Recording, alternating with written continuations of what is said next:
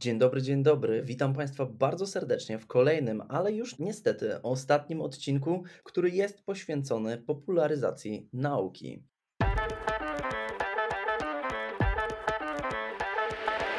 Przyjrzeliśmy się popularyzacji nauki w ramach tej serii pod bardzo różnym kątem. To znaczy, mówiliśmy o roli kobiet w nauce, mówiliśmy o TED Talkach, mówiliśmy chociażby o roli fundacji i organizacji pozarządowych w ramach działalności popularno-naukowej. Mówiliśmy także o tym, jak nowe media media społecznościowe, jaką rolę odgrywają właśnie w procesie popularyzowania nauki. Dziś porozmawiam z osobą, która zjadła zęby na popularyzacji nauki i dziennikarstwie naukowym.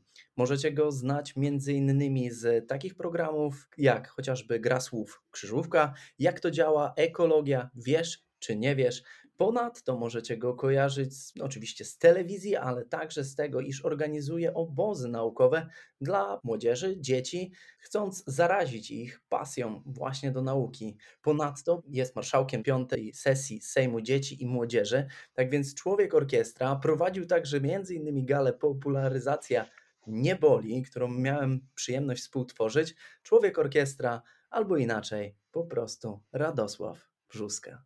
Cześć Radosławie. Witam Cię bardzo serdecznie. Witam wszystkich, którzy nas słuchają i chcą spędzić z nami pół godziny. Nie dodałeś jednej rzeczy, która w moim życiu jest ekstremalnie ważna, a która jest z jeszcze innej bajki, a mianowicie kocham latać na wszystkim, co unosi się w powietrzu. Na co dzień, znaczy na co dzień, wtedy, kiedy jest oczywiście okazja, latam na paralotni i wkrótce czeka mnie kolejny paralotniowy wyjazd, ale w tym roku zrealizowałem też swoje marzenie jeszcze z czasów licealnych i prawie skończyłem, bo czekam jeszcze na egzaminy, cały kurs na licencję pilota szybowcowego. Także to jest kolejna odsłona różnych moich dziwnych, nieoczywistych pasji. To trudno jest znaleźć może w internecie, a na pewno nie rzucało mi się w pierwszej chwili w oczy, dlatego pozwól, że tym razem i wybacz mi tym samym to niedopatrzenie. Natomiast, no cóż. Spokojnie poprawię informacje w swoich mediach, to moje niedopatrzenie. Nawet na Wikipedii. Tak więc e, zachęcam do poprawek, a tym samym z tego miejsca moje ulubione pytanie było pytanie otwierające, pytanie pierwsze. Czym jest tak naprawdę dziennikarstwo naukowe? Bo tym się przecież parasz od wielu lat. To jest strasznie trudne pytanie, dlatego że ja do wszystkiego, co robię, mam taki bardzo mało ustrukturyzowany stosunek, bardzo mało ustrukturyzowane podejście. Robię rzeczy, które mnie pasjonują, kręcą, które dają mi satysfakcję. I jeśli akurat da się to przyporządkować do jakiejś kategorii działalności, no to super, a jak nie, no to dalej robię swoje, tylko że to nie ma konkretnej nazwy. I w moim przypadku to, czym ja się zajmuję, to jest y, coś, co było spełnieniem mojego marzenia od bardzo, bardzo wielu lat. Kiedy zaczynałem swoją pracę w radiu na pierwszym roku studiów, to był 99 rok y, i Polskie Radio, a jeszcze wcześniej pracowałem w lokalnym radiu, będąc licealistą, bo jestem z Płocka. Jeśli ktoś z Płocka nas teraz słucha, to gorąco pozdrawiam. To uwielbiałem opowiadać. W ogóle zawsze kręciło mnie wyjaśnianie rzeczy nieoczywistych. Y, zaskakiwało mnie to, jak bardzo rzeczy wydawało mi się proste i intuicyjne, są dla innych nieoczywiste. I ten efekt wow, kiedy wyjaśniałeś, jak na przykład y, prostokątny obrazek przechodzi przez okrągły kabel, takie zupełnie absurdalne przykłady, ale nagle, jak widziałem te klapki, które odsłaniają się w głowach osób, których raczyłem tymi opowieściami, ta reakcja była dla mnie tak inspirująca, że faktycznie zawsze marzyłem o tym, żeby przenieść to do telewizji, bo ta przez wiele, wiele lat była najlepszym medium do opowiadania o nauce. To się trochę zmieniło, ale tak było przez bardzo długi czas. Dostałem tę szansę, propozycję prowadzenia, jak to działa, kompletnie autorskiego programu, zupełnie od zera wymyślonego, nie inspirowanego innymi programami, nie, nie formatu przetłumaczonego z y, innych telewizji na język naszej. Dostałem od Iwony Szymali, która była y, dyrektorem jedynki wiele, wiele lat temu. No i tak się zaczęło. A jaka jest definicja dziennikarstwa naukowego, to trudno jest mi powiedzieć, bo jak spojrzymy sobie na tę branżę, to są bardzo różni dziennikarze naukowi. Niestety w wielu mediach w ogóle zlikwidowano redakcje naukowe, które kiedyś były. Mam na myśli czy gazety, czy tygodniki, ale też właśnie telewizję czy radia. W ogóle w większości mediów dziś redakcji naukowych nie ma. No ale na przykład Polska Agencja Prasowa ma swój serwis naukowy i, i tam są jak najbardziej dziennikarze naukowi, którzy przekazują informacje ze świata nauki, czyli zbierają je od y, naukowców, od instytucji i przekazują odbiorcom. I to jest taka najczystsza forma dziennikarstwa naukowego. No, kiedy dochodzimy już do publikacji czy publicystyki naukowej, no to możemy mówić o, o takich szerszych formach, bardziej dowolnych, mniej związanych z opowiadaniem e, wyłącznie o faktach, a w większym stopniu tworzeniem pewnych historii. To jest to, co mnie bardzo interesuje, bo mnie kręci opowiadanie historii, w których nauka odgrywa oczywiście główną rolę, ale jest takim narzędziem do pobudzenia wyobraźni widza w moim przypadku. I to jest dla mnie definicja czy cel tego, co ja robię. Czy to jest czyste dziennikarstwo naukowe? Raczej nie, ale jest to opowiadanie o nauce, o technologiach i, i tym podobnych historiach. Mhm. No dobrze, no to opowiadasz o nauce, opowiadasz historię, snujesz opowieści dotyczące otaczającego nas świata. Jeżeli dla tych, którzy może nie wiedzą, czym jest ten program i jak to działa, no to generalnie jest to program, który był emitowany w telewizji właśnie, czy jest w zasadzie na pewien rodzaj. Teraz już, nie wiem, specjalnie. To ja, ja wyjaśnię. Jak to działa? To jest program, który miał swoją premierę w 2011 roku. Ostatnie premierowe odcinki pojawiły się w 2023, przy czym cały czas rzeczywiście można oglądać powtórki. On był premierowo pokazywany w telewizyjnej jedynce. Ostatnie odcinki, ostatnich osiem premierowych odcinków pojawiło się w TVP Nauka i one miały taki podtytuł właśnie jak to działa ekologia. Wcześniej, bo, bo faktycznie były związane tak tematycznie z ekologią. Wcześniej to było po prostu jak to działa i program dokładnie tak jak pytanie postawione w tytule, odpowiadał właśnie na to pytanie, jak coś działa, jak działa prąd, jak działa radio, jak działa telefon, żarówka czy cokolwiek innego. Tych odcinków było prawie 200, więc naprawdę, naprawdę dużo. No właśnie, no proste rzeczy, które nas otaczają, no ale trzeba było skądś czerpać inspirację. Inspirację domyślam się, że brałeś zewsząd, a pytanie brzmi, skąd tą wtedy taką rzetelną, ale też bardzo no, zróżnicowaną wiedzę brałeś, no bo wiemy, że teraz ekologia, wcześniej były też te wiele urządzeń, zasady działania ekonomii, zasady działań, nie wiem, społecznych, naprawdę różne tematy poruszałeś. Mm, no, człowiek humanista, można by powiedzieć. No właśnie, skąd te informacje czerpałeś, jak to wyglądało? No, teraz domyślam się, że jest znacznie łatwiej, no ale w 2011 roku było może trochę mniej tych materiałów popularno-naukowych. Skąd właśnie brałeś informacje? Było rzeczywiście mniej, choć już 2011 rok to nie był duży problem. Pamiętam, jak zaczynałem właśnie w 99 roku i tutaj dziennikarze, którzy pracowali dekady przede mną, pewnie powiedzą: O Jezu, co, co ten facet opowiada, że w 99 było ciężko. Ale w porównaniu z tym, jak sobie dziś wyobrażamy robienie jakiegokolwiek materiału do internetu, to jest nieprawdopodobne. E, nie wierzę, że jesteś w stanie sobie wyobrazić, nawet jeśli masz dużą wyobraźnię, że w tym 99 roku brało się książkę grubą telefoniczną, czyli totalny relikt przeszłości. Dziś nawet nie wiem, czy w ogóle są drukowane takie książki. No, a były. I z tej książki wyszukiwało się mm, numery telefonów do różnych instytucji naukowych, no i tam szukało się ekspertów, ale w tych książkach były numery telefonów, oczywiście stacjonarne, do sekretariatów, więc dzwoniło się do sekretariatu albo do dziekanatu ulubionego przez studentów, no i tam się napotykało na pierwszą osobę, słynną panią z dziekanatu i albo była to osoba życzliwa, albo nie. Zazwyczaj jednak życzliwość była duża, ale to było tak, że chcesz mieć gościa na za tydzień, no i musisz już go zacząć umawiać. No nie to, że o ósmej przychodzi ci do głowy rano jakiś pomysł, czy o dziewiątej, a o godzinie dwunastej e, już sobie rozmawiacie zdalnie i robicie wywiad, tylko tydzień wcześniej trzeba było w ogóle zacząć szukać kontaktu do takiej osoby. Przez ileś kolejnych hopek przeskoczyć, y, będąc przekierowywanym z numeru na numer stacjonarnego, i w końcu docierało się do tej osoby, która może miała czas, a może nie. Jak nie miała, to odsyłała jeszcze do kolejnego eksperta. I sam proces dotarcia do źródła wiedzy eksperckiej to było mega wyzwanie.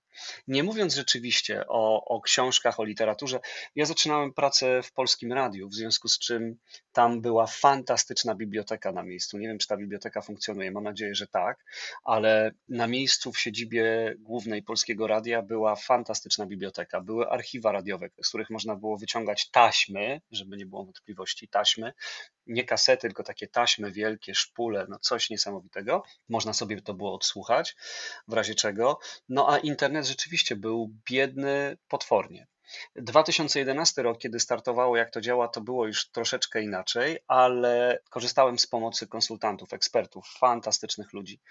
E, nie dość, że byli eksperci do całej serii, to jeszcze byli eksperci, jeśli była taka potrzeba, do poszczególnych odcinków, i to pozwalało troszeczkę ustrukturyzować tę wiedzę, którą ja miałem bardzo pobieżną, nadal mam bardzo pobieżną, bo nie jestem ekspertem w żadnej dziedzinie, tylko po prostu potrafię opowiadać rzeczy. Potrafię też, i to jest cecha dziennikarza, odsiewać to, co jest wartościowe od tego, co jest zwykłym szumem informacyjnym, weryfikować pewne informacje, nie zachwycać się czymś, co nie ma szans na to, żeby, żeby było prawdą, albo słyszymy co chwilę zapowiedzi jakichś genialnych wynalazków. Tak jak ostatnio mieliśmy ten, te słynne nadprzewodzenie w temperaturze pokojowej i jak no, coś śmierdziało od samego początku, a ekscytacja wokół tego była co najmniej jakby właśnie odkryto, e, nie wiem, proton, atom albo cokolwiek innego. Także faktycznie było to trudne. No i tym długim bardzo wstępem dochodzimy do Twojego pytania, skąd biorę inspirację. I to jest bardzo dobre pytanie, szczególnie jeśli słuchają nas teraz osoby, które zaczynają swoją przygodę z popularyzacją wiedzy, bo na przykład, nie wiem, chcą zacząć robić jakiś kanał albo pisać czy mówić o nauce. Przez wiele lat marzyłem o tym, żeby poprowadzić program popularno-naukowy. I kiedy dostałem propozycję prowadzenia tego programu, bodajże po pięciu czy ośmiu odcinkach, góra dziesięciu, skończyły mi się pomysły miałem totalną blokadę i wydawało mi się, że po pierwszych 10 odcinkach to będzie już totalny koniec. I to jest takie zderzenie pewnych wyobrażeń o tym, o, jacy jesteśmy fajni, ile to my jesteśmy w stanie naopowiadać o nauce, i nagle okazuje się, że nasze horyzonty, które pielęgnujemy w sobie samych i nie konfrontujemy ich ze światem, one są mimo wszystko bardzo ograniczone. Możemy mieć potencjał, możemy mieć możliwości, ale zderzenie z systematyczną pracą, której wymagają od ciebie tego, żeby co tydzień, czy co dwa, czy nieważne co ile powstał nowy odcinek, nagle okazuje się, że z tych wszystkich twoich pasji, zainteresowań i planów, nagle bardzo szybko znikają kolejne nowe propozycje. Ale potem okazuje się, że praca nad takimi projektami tworzy zupełnie nową przestrzeń wymiany myśli z Twoimi gośćmi. Nagle zaczynasz pojawiać się w miejscach, w których nigdy nie byłeś czy nie byłaś, widzieć rzeczy, czuć rzeczy. Nagle Twoja wyobraźnia rozwija się, czy jest konfrontowana z tym wszystkim, do, do czego nie było wcześniej dostępu. I to jest fantastycznym zalążkiem kolejnych pomysłów, projektów, to rzeczywiście z czasem zamienia się w samonapędzającą się maszynę. Ale ta początkowa faza jest bardzo, czy potencjalnie może być bardzo bolesna. To jest taki, e, takie sprowadzenie kogoś do poziomu i pokazanie hola hola, e, nie bądź taki chojrak, tylko mierz siły na zamiar. No tak, ja też wiem, że znajdowanie inspiracji w, zarówno do badań naukowych, jak i do popularyzacji nauki wcale nie jest proste, bo generowanie kontentu to nie jest prosta sprawa, a szczególnie generowanie kontentu, który musi być wysokiej jakości, no i niepobieżnie zbyt potraktowany. Twój format ma 25 minut, jeżeli dobrze pamiętam, kojarzę, bo za dzieciaka oglądałem Twoje programy teraz takie małe wyznanie. Bardzo się cieszę. I wiem, że to nie było tak prosto zorganizować to, to całe przedsięwzięcie. Polecam e, gdzieś, jeżeli znajdziecie, spokojnie poszukać tych odcinków i e, obejrzeć, e, jak, jak one były zrobione, czy jak one są robione, bo naprawdę jest to przystępne i przyjazne dla oka. Oczywiście zdaję sobie sprawę, że obecnie na YouTubie znajdziemy też bardzo dużo ciekawych treści, ale to pokazuje, jak się z, może trochę zmienił czasy, no bo w 2011 roku tego kontentu, myślę, na YouTubie nie było aż tak dużo, a szczególnie popularno-naukowego i jeszcze w języku polskim, który jest no, większej liczbie Polaków znany. Dobra, to mamy tak, mamy temat inspiracji, mamy temat kariery dziennikarza. Trochę już powiedzieliśmy o największych wyzwaniach oraz e, tym, co daje Ci satysfakcję największą, ale chciałbym teraz przejść do pytania, jak wygląda tak naprawdę taka praca w telewizji? To znaczy, ile powstaje taki odcinek? Jak to wygląda w rozumieniu? Już wiem teraz, że inspirujesz się też, czy pomagają ci inne osoby, ale jak, jak długo powstaje taki odcinek? Jak, jak to wygląda? Jakby ktoś myślał po prostu kiedyś o takim, takim formacie. No, praca w telewizji to jest e, zupełnie inny rodzaj pracy niż ta, którą wyobrażacie sobie tworząc treści do internetu, bo z definicji to, co się robi w internecie, jest bardzo autorskie. Podstawą jest bycie szczerym i autentycznym, a telewizja zawsze troszeczkę oszukuje, kreuje rzeczywistość w inny sposób niż ta rzeczywistość jest kreowana e, w mediach społecznościowych, bo często widzimy Instagram versus reality i te przekłamania, piękne kolory, epickie obrazki kontra rzeczywistość, która wcale tak kolorowa nie jest, ale kiedy mówimy o kreowaniu osobowości czy kreowaniu treści, na przykład na YouTubie versus telewizja, to jest to kompletnie nieporównywalne. Teoretycznie i tutaj mamy obraz z dźwiękiem i tam, ale liczą się totalnie różne rzeczy. Często youtuberzy zapraszani są po to, by wykorzystać ich popularność do telewizji i kompletnie sobie w telewizji nie radzą, ale to jest niesamowite, jak bardzo youtuberzy stając przed kamerą e, i ekipą, która składa się z kilkunastu czy kilkudziesięciu osób, wymiękają w ciągu pięciu minut i nie jest to ich wina. Po prostu założenie, że skoro ja pracuję przed kamerą i w telewizji są kamery, to znaczy, że sobie poradzę, jest z gruntu błędne. Ale co ciekawe, dla nas, którzy pracujemy w telewizji, przejście do internetu jest też barierą często nie do pokonania. Sposób, w jaki ja mówię do kamery, to, jak konstruuje zdania, jak się zachowuje, jest tak bardzo różny od standardów, które są przyjęte na YouTubie, a z drugiej strony też nie jestem w stanie za bardzo z tym u siebie walczyć, bo uważam, że te standardy telewizyjne są dobre. Więc pierwsza rzecz, którą chciałem powiedzieć, to to, że telewizja i YouTube to są dwie zupełnie różne rzeczywistości. Telewizja jest o wiele droższa, jest bardziej złożona i skomplikowana i to ma swoje powody. Telewizja ma swoją historię. Ona nie pojawiła się z dnia na dzień, tylko rodziła się przez kilka dekad. Wokół telewizji kręcili się zawsze fantastyczni ludzie. Kiedy zaczynasz robić y, kanał na YouTubie solowo, no to jedziesz na swojej pasji, jedziesz na swoich informacjach, kontaktach, na, na tym, co robisz, masz być autentyczny ty, tu i teraz. I jeśli kupisz tym widzów, super, jak nie kupisz, trudno, przegrywasz i zakładasz kolejny kanał albo sobie darujesz. W telewizji nie było tak, no bo telewizja z definicji była medium bardzo kierowanym do olbrzymiej rzeszy widzów, ale tworzonym przez relatywnie niewielką liczbę specjalistów. Więc chętnych, którzy chcieliby taki kanał na YouTubie zrobić w telewizji, było zawsze mnóstwo. Teraz już tak dużo tych ludzi nie ma, ale kiedyś było dużo, więc w ogóle dostać się do telewizji to było bardzo trudne. No a potem zaczynał się bieg przez płotki, dlatego że było się recenzowanym, cenzurowanym, e, szlifowanym przez masę specjalistów. Jedni od tego, jak siedzisz, drudzy od tego, jak mówisz. Każda potyczka słowna, językowa to było od razu walenie w głowę. E, źle zadałeś pytanie, to, to już cię wołali na dywanik, bo pytanie było nudne, banalne, źle zadane albo źle zdokumentowane. I to już był powód, żeby był i jest powód, żeby wezwać się gdzieś tam na dywanik i z tego rozliczać, bo rzeczywiście telewizja to jest y, miejsce pracy, w którym ściera się bardzo, bardzo dużo profesji i to na wysokim poziomie.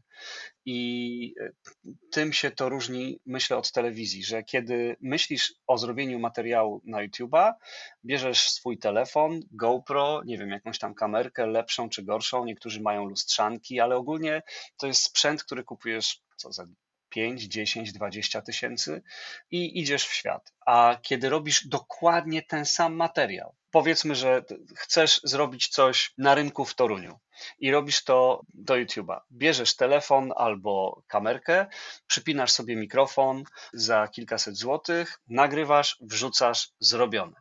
W telewizji Po pierwsze, musisz udowodnić, że warto to zrobić. Ktoś to musi zaakceptować, bo ty jesteś twórcą, ale ktoś musi to u ciebie zamówić. Więc jak ktoś tego nie zamówi, albo nie przekonasz do tego, że warto to zrobić, no to tego nie robisz. A kiedy już stwierdzasz, że to zrobisz, no to nagle okazuje się, że masz ekipę, masz operatora, w zależności od tego oczywiście, jaka to jest produkcja. Czy jest to mega tania produkcja, jedziesz z jednym operatorem, ale mimo wszystko on już zarabia sam ten operator, czy, czy jego koszt. Nie mówię, że on tyle zarabia do ręki, ale jego koszt to jest więcej niż koszt zrobienia całego filmiku do YouTube'a, a ty płacisz tyle za tego jednego człowieka jedziecie tam, nagrywacie, to musi być zmontowane, skolaudowane, czyli przyjęte przez jakąś redakcję i za jakiś czas wyemitowane w ramach jakiegoś programu. No, różnica jest olbrzymia. To też, że właśnie pracujesz w grupie ludzi od samego początku. Nie jesteś w 99% sam sobie sterem, żeglarzem, okrętem, tylko jest cała rzesza ludzi, którzy odpowiadają za finansowanie tego projektu, też współformatowanie, bo, bo mówią, jakie treści ich interesują, później cię oceniają i często są to brutalne oceny. To są dwa arcyróżne światy, które tylko przez formę prezentacji wydają się blisko siebie, ale de facto to są dwie różne rzeczywistości. Mhm. Czyli nie tak prosto być dziennikarzem e, telewizyjnym i nie tak prosto jest mówić o nauce w telewizji. Po pierwsze, bo wakatów jest znacznie mniej niż w całym YouTubie. Po drugie, technikalia związane właśnie z tym są znacznie inne. No i chociażby właśnie cała aranżacja i składanie tego tak naprawdę i przyjmowanie przez szerokie grono odbiorców no, jest bardzo różne i też grupy docelowe myślę, że już w dzisiejszych czasach się znacznie różnią, bo kiedyś no, tak jak sam wspomniałeś, telewizja była tym głównym nurtem informacyjnym i wiele osób tylko na niej, kolokwialnie, siedziało, a teraz to dużo więcej osób siedzi na YouTubie i tam szuka informacji. Natomiast e, to dobrze czy źle nie oceniam. Raczej kwestia jest tego, że mamy coraz więcej po prostu możliwości popularyzacyjnych. Ty też masz nową możliwość popularyzacyjną i podjąłeś się arcytrudnego moim zdaniem i arcyodpowiedzialnego zadania, a mianowicie popularyzować naukę wśród dzieci chcesz, tylko że w jeszcze inny sposób. To takie zaproszenie do tego, abyś opowiedział trochę o swoim projekcie, a mianowicie Alpha Camp. Co to jest?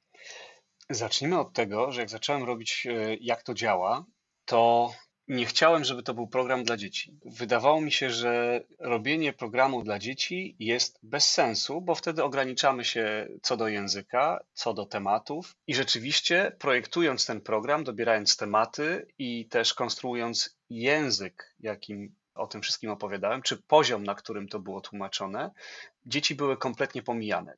To nie miało być zrozumiałe dla dzieci. Ale tak się złożyło, i to już jest kolejna rzecz właśnie z telewizją związana, że nie masz do końca wpływu na to, kiedy Twój program będzie pokazany. O tym decydują różni ludzie na podstawie bardzo różnych kryteriów. No i tak się okazało, że jak to działa, zostało wstawione gdzieś tam w soboty czy niedzielę e, w okolicach południa, czy to wcześniej, czy, czy później, ale tak między chyba 10 a 12 byliśmy pokazywani w różnych latach. No i to wymuszało oglądanie tego programu przez dzieci. Dziś ten program, który nigdy nie powstawał dla dzieci, jest pokazywany non-stop na TVP ABC. Tyle tylko, że jest pokazywany późno wieczorem z takim założeniem, że będą to oglądali rodzice bardziej niż dzieci, ale jak się okazuje, niektóre dzieciaki, co jest fantastyczne i kocham je za to, mają jakieś umowy z rodzicami, że ten program mogą oglądać tak późno w nocy. Więc to jest bardzo ważne, że na początku, kiedy właśnie żyłem w tych swoich wyobrażeniach na temat, jak powinno się robić popularyzację nauki, nie myślałem o tym, by tworzyć go dla dzieci, dla tego najmłodszego widza ale przez przypadek okazało się, że dzieciaki to oglądają i ten program jest dla nich inspirujący nawet wtedy, kiedy wszystkiego nie rozumieją. I myślę, że częściowo sukcesem, jak to działa, jest to, że stawiał wysoko poprzeczkę dla tych mega wkręconych widzów, jakimi są dzieciaki, bo one nie rozumiejąc wszystkiego, co widziały i słyszały w tym programie, miały motywację, żeby popracować i się jakoś tego dowiedzieć. Albo zostawić sobie te informacje na później, żeby je przetrawić i może za, za jakiś czas do nich wrócić. Równolegle do tego, co się działo przed telewizorami, na co nie miałem wpływu, po prostu była grupa, która się zaczęła kształtować widzów, bardzo ciekawa. Z drugiej strony zacząłem poznawać ludzi, słyszeć różne opinie i też rozumieć bardziej rynek medialny, a też rozumieć troszeczkę nas jako ludzi.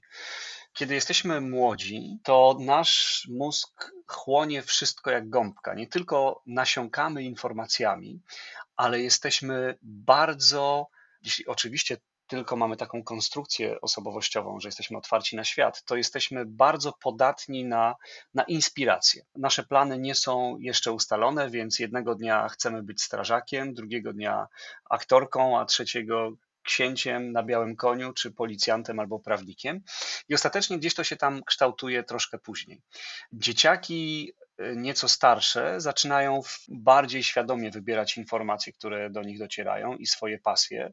Potem mamy liceum, które pod koniec przygotowuje nas już do matury, a ta kończy się dostaniem na studia. I oczywiście, że jest olbrzymia rzesza młodych ludzi, którzy nie mają pojęcia, co będą robili w życiu, ale w liceum raczej wybierasz już rzeczy, czy konsumujesz te informacje, te, te kategorie informacji, które Cię interesują. Nie jesteś tak podatny na branie wszystkiego, co do siebie przychodzi, jak dzieciaki. Potem mamy studentów, którzy idą już swoją ścieżką, młodych dorosłych, którzy po prostu szukają fajnego startu w życiu, a potem dorosłych, którzy bardziej interesują się pewnie dziećmi i tym, żeby znowu one mogły jakoś wyrastać niż samymi sobą. Więc kiedy zrozumiałem, jak ważne jest to, żeby dzieciaki inspirować i tę inspirację tak troszeczkę mocniej z nimi ciągnąć, bo zrozumiałem, jak bardzo one chłoną te wszystkie rzeczy i że rzeczywiście to jest ta grupa, którą możesz na całe życie sformatować, jeśli tylko ci na to pozwolą. No to przyszedł mi do głowy pomysł na robienie obozów. I Alfa Campy to jest taka odpowiedź znowu mega spontaniczna na moją odwieczną potrzebę tego, żeby dzielić się swoją pasją, zarażać kolejnych ludzi, którzy mam nadzieję otworzą oczy w takim efekcie wow. I po kilku edycjach Alfa Campów, pierwsza była w 2019 roku, mogę powiedzieć, że to się udaje, że mamy już jednego uczestnika, który trafił pod skrzydła Krajowego Funduszu na Rzecz Dzieci. Mamy uczestników, którzy, na przykład jest z zachodniopomorskiego dziewczynka, która ma 12 lat, a już chodzi na zajęcia na uczelnię. Takie zajęcia dla, nie w ramach zajęć ze studentami, tylko jakieś takie zajęcia dodatkowe, ale też w Morskim Centrum Nauki. E, współpracuję z jednym z genialnych popularyzatorów nauki, którzy byli u mnie wykładowcami, a których poznałem przy okazji waszej konferencji dla doktorantów. Także z jednej strony mam fantastycznych uczestników, którzy chcą, by ich inspirować, mam fajnych wykładowców, którymi są najczęściej, choć nie tylko, studenci, ale tacy studenci, którym się chce, którzy przez cały rok akademicki pracują w kołach naukowych, zajmują się popularyzacją, bo ich to po prostu kręci. Są rodzice oczywiście, którzy świadomie wysyłają na takie obozy dzieci, bo wiedzą, że, że ten obóz ma szansę je rozwinąć. No jest zatem ta moja pasja, która sprowadza się do tego, że wierzę, że warto, że naprawdę trzeba to robić. Więc koło się zamyka i liczę na to, że wszyscy będziemy w dłuższej dłuższej perspektywie z tego bardzo, bardzo zadowoleni. Tak jak to przedstawiasz, to wydaje mi się, że ten plan nie mógł pójść źle. Dosłownie nie mógł pójść źle. No, tak sobie myślałem, jak to zaczynałem, ale oj, wszystko może pójść źle. COVID, inne historie gdzieś tam były po drodze, także wielka inflacja. To jest projekt w pełni komercyjny na razie, więc y, bez dotacji tak naprawdę to musi jakoś się kręcić. I nie jest wcale łatwo zrobić biznesu na takich obozach, przynajmniej na początku, tym bardziej, że są one bardzo kosztochłonne, bo e, dzieciaki, które przyjeżdżają na alfa campy, siadają przy stanowiskach, które są wyposażone w mikroskopy, komputery, tablety, elektronikę, odczynniki chemiczne, akcesoria do eksperymentów fizycznych. Jest tego naprawdę cała masa, więc to nie jest obóz, na który kupujemy 20 czy 30 piłek i kopiemy przez tydzień do jednej bramki, tylko naprawdę robimy mnóstwo rzeczy. No ale udało się. Rzeczywiście się udało. No właśnie, a jeszcze one po takim bardzo dużym wysiłku intelektualnym z pewnością muszą uzupełnić braki kaloryczne, tak więc jeszcze dużo jedzą, no i wszystko się składa do tego, że wychodzi nawet cena jaka jest, taka jest, natomiast e, z pewnością Jestem w 100% przekonany o tym, że warto po prostu, bo kiedy jak nie teraz inwestować w siebie, inwestować w swoje dzieci, no i dawać im tą radość, jeżeli widzi się ten potencjał, właśnie radość z nauki. Ostatnie pytanie, pytanie, które zadaję wszystkim popularyzatorom zaproszonym do tej serii, a mianowicie, jak byś zachęcił wszystkich do popularyzowania nauki? Tych słuchaczy, oczywiście, naszych dzisiejszych. Jak byś zachęcił paroma słowami do tego, dlaczego warto popularyzować naukę? To bardzo zależy, bo może wcale nie warto, powiem, powiem przewrotnie. Może nie warto. Znaczy, popularyzacją nauki powinni zajmować się ludzie, którym się chce to robić, którzy mają na to pomysł, którzy czerpią z tego satysfakcję. Nie jest to coś, co należy robić na siłę, tym bardziej, że popularyzatorów oczywiście potrzeba, ale nie potrzeba ich nieskończonej ilości. Myślę, że ktoś, kto ma takie, nazwijmy to powołanie, nie lubię tego słowa, ale ktoś, kto czuje w sobie taką wielką potrzebę i radochę z opowiadania o nauce, wie, że chciałby to robić i być może trzeba tylko takim ludziom powiedzieć: Ej, to jest możliwe, trzeba zacząć, nie zastanawiaj się, rób to. Jeśli to ci w duszy gra, to nigdy wcześniej w Polsce, mam wrażenie, nie było lepszych możliwości dla popularyzatorów niż są teraz. Pomijam media społecznościowe, oczywiście, także każdy nie wychodząc z domu może zacząć popularyzować naukę i to jest fantastyczne. Czyli można ogólnie mówić o nauce, można mówić o swojej bardzo wąskiej działce i to też będzie, znajdzie na pewno jakichś fanów. Dla mnie imponującym przykładem jest taki kanał na YouTubie prowadzony przez Australijczyka. Nie pamiętam teraz nazwy, ale w czasie COVID-u spełniłem jedno ze swoich takich marzeń, planów z młodości. Chciałem zrozumieć elektronikę, przynajmniej na takim podstawowym poziomie. Bo mimo, że poszedłem na studia na Wydział Elektroniki i Technik Informacyjnych Politechniki Warszawskiej, to szybko stamtąd zwiałem i nie zdążyłem się tej elektroniki nauczyć. A podczas COVID-a była doskonała okazja, więc zrobiłem sobie kilka kursów, nakupowałem sobie płytek rozwojowych, zacząłem coś tam robić i rzeczywiście z jakimiś fajnymi efektami. I zacząłem błądzić po internecie w poszukiwaniu ciekawych kanałów. I znalazłem faceta, który opowiada o hardkorowej elektronice. Jeden odcinek pamiętam, y, jest on dla mnie w ogóle takim symbolem tego, co on robi. Wziął chyba 5 czy 10 tranzystorów, najsłynniejszych modeli tranzystorów, które są wykorzystywane najczęściej w elektronice i zaczął o każdym z nich opowiadać. Jaka jest jego charakterystyka, kiedy warto go wykorzystywać, kiedy nie warto, z których firm te tranzystory są lepsze, z których gorsze. No flaki z olejem wydawałoby się, tym bardziej, że film trwa ponad godzinę, jeśli się nie mylę, może trochę krócej. I on ma kilkaset tysięcy odsłon. Może w skali świata to nie jest dużo, ale błagam, to jest film o tranzystorach. Więc to jest dla mnie fascynujące w mediach społecznościowych, że nie trzeba myśleć o popularyzacji nauki czy technologii w takim bardzo szerokim kontekście, że zacznę zaraz robić filmy od sasa do lasa, od astronomii, właśnie po elektronikę, biotechnologię i tak. Nie. Jeżeli nie chcesz, to rób tylko w swojej dyscyplinie. Mów o chemii. A jak nie tylko o chemii, znaczy chemia też jest czymś za szerokim, no to skup się na jednej małej dziedzinie, może na nanotechnologii, może na, na czymś jeszcze mniejszym, albo zrób cały kanał, w którym są tylko obrazy z mikroskopów elektronowych e, i tak dalej, i tak dalej. Więc jeśli chcemy, mamy super możliwości media społecznościowe, ale też centra nauki, które teraz powstały w wielu miejscach w Polsce i myślę, że desperacko będą przez najbliższe lata i oby jak najdłużej poszukiwały edukatorów, dlatego że ta kadra, podobnie jak u mnie na obozach, bardzo się zmienia. Są to często młodzi ludzie, którzy przychodzą, kiedy mają trochę więcej czasu, ale potem zaczynają bardziej zagłębiać się w pracę naukową czy zawodową i chwilę później ich nie ma. Więc to jest kolejne fajne miejsce pracy. Są firmy, które zajmują się popularyzacją wiedzy, bo to jest też bardzo dobry, mądry, wydaje mi się, i wartościowy biznes. Także tych miejsc jest bardzo dużo. I jeśli czujecie, e, jeżeli ktoś, kto nas teraz słucha, czuje, że chciałby to robić, to zachęcam, absolutnie warto, bo to jest coś, co zmienia świat. To jest dla mnie ten podstawowy argument. Mówienie o nauce naprawdę zmienia świat. I to na lepsze, bo mówienie o tym, jak patrzę na osoby pracujące w mediach, że na przykład ktoś ubrał się tak czy inaczej, założył sukienkę jedną czy buty drugie, no to owszem, konsumuje nasz czas, y, pochłania uwagę na chwilę odbiorcy, ale na koniec zostaje się z kompletnie bezwartościowym stekiem bzdur.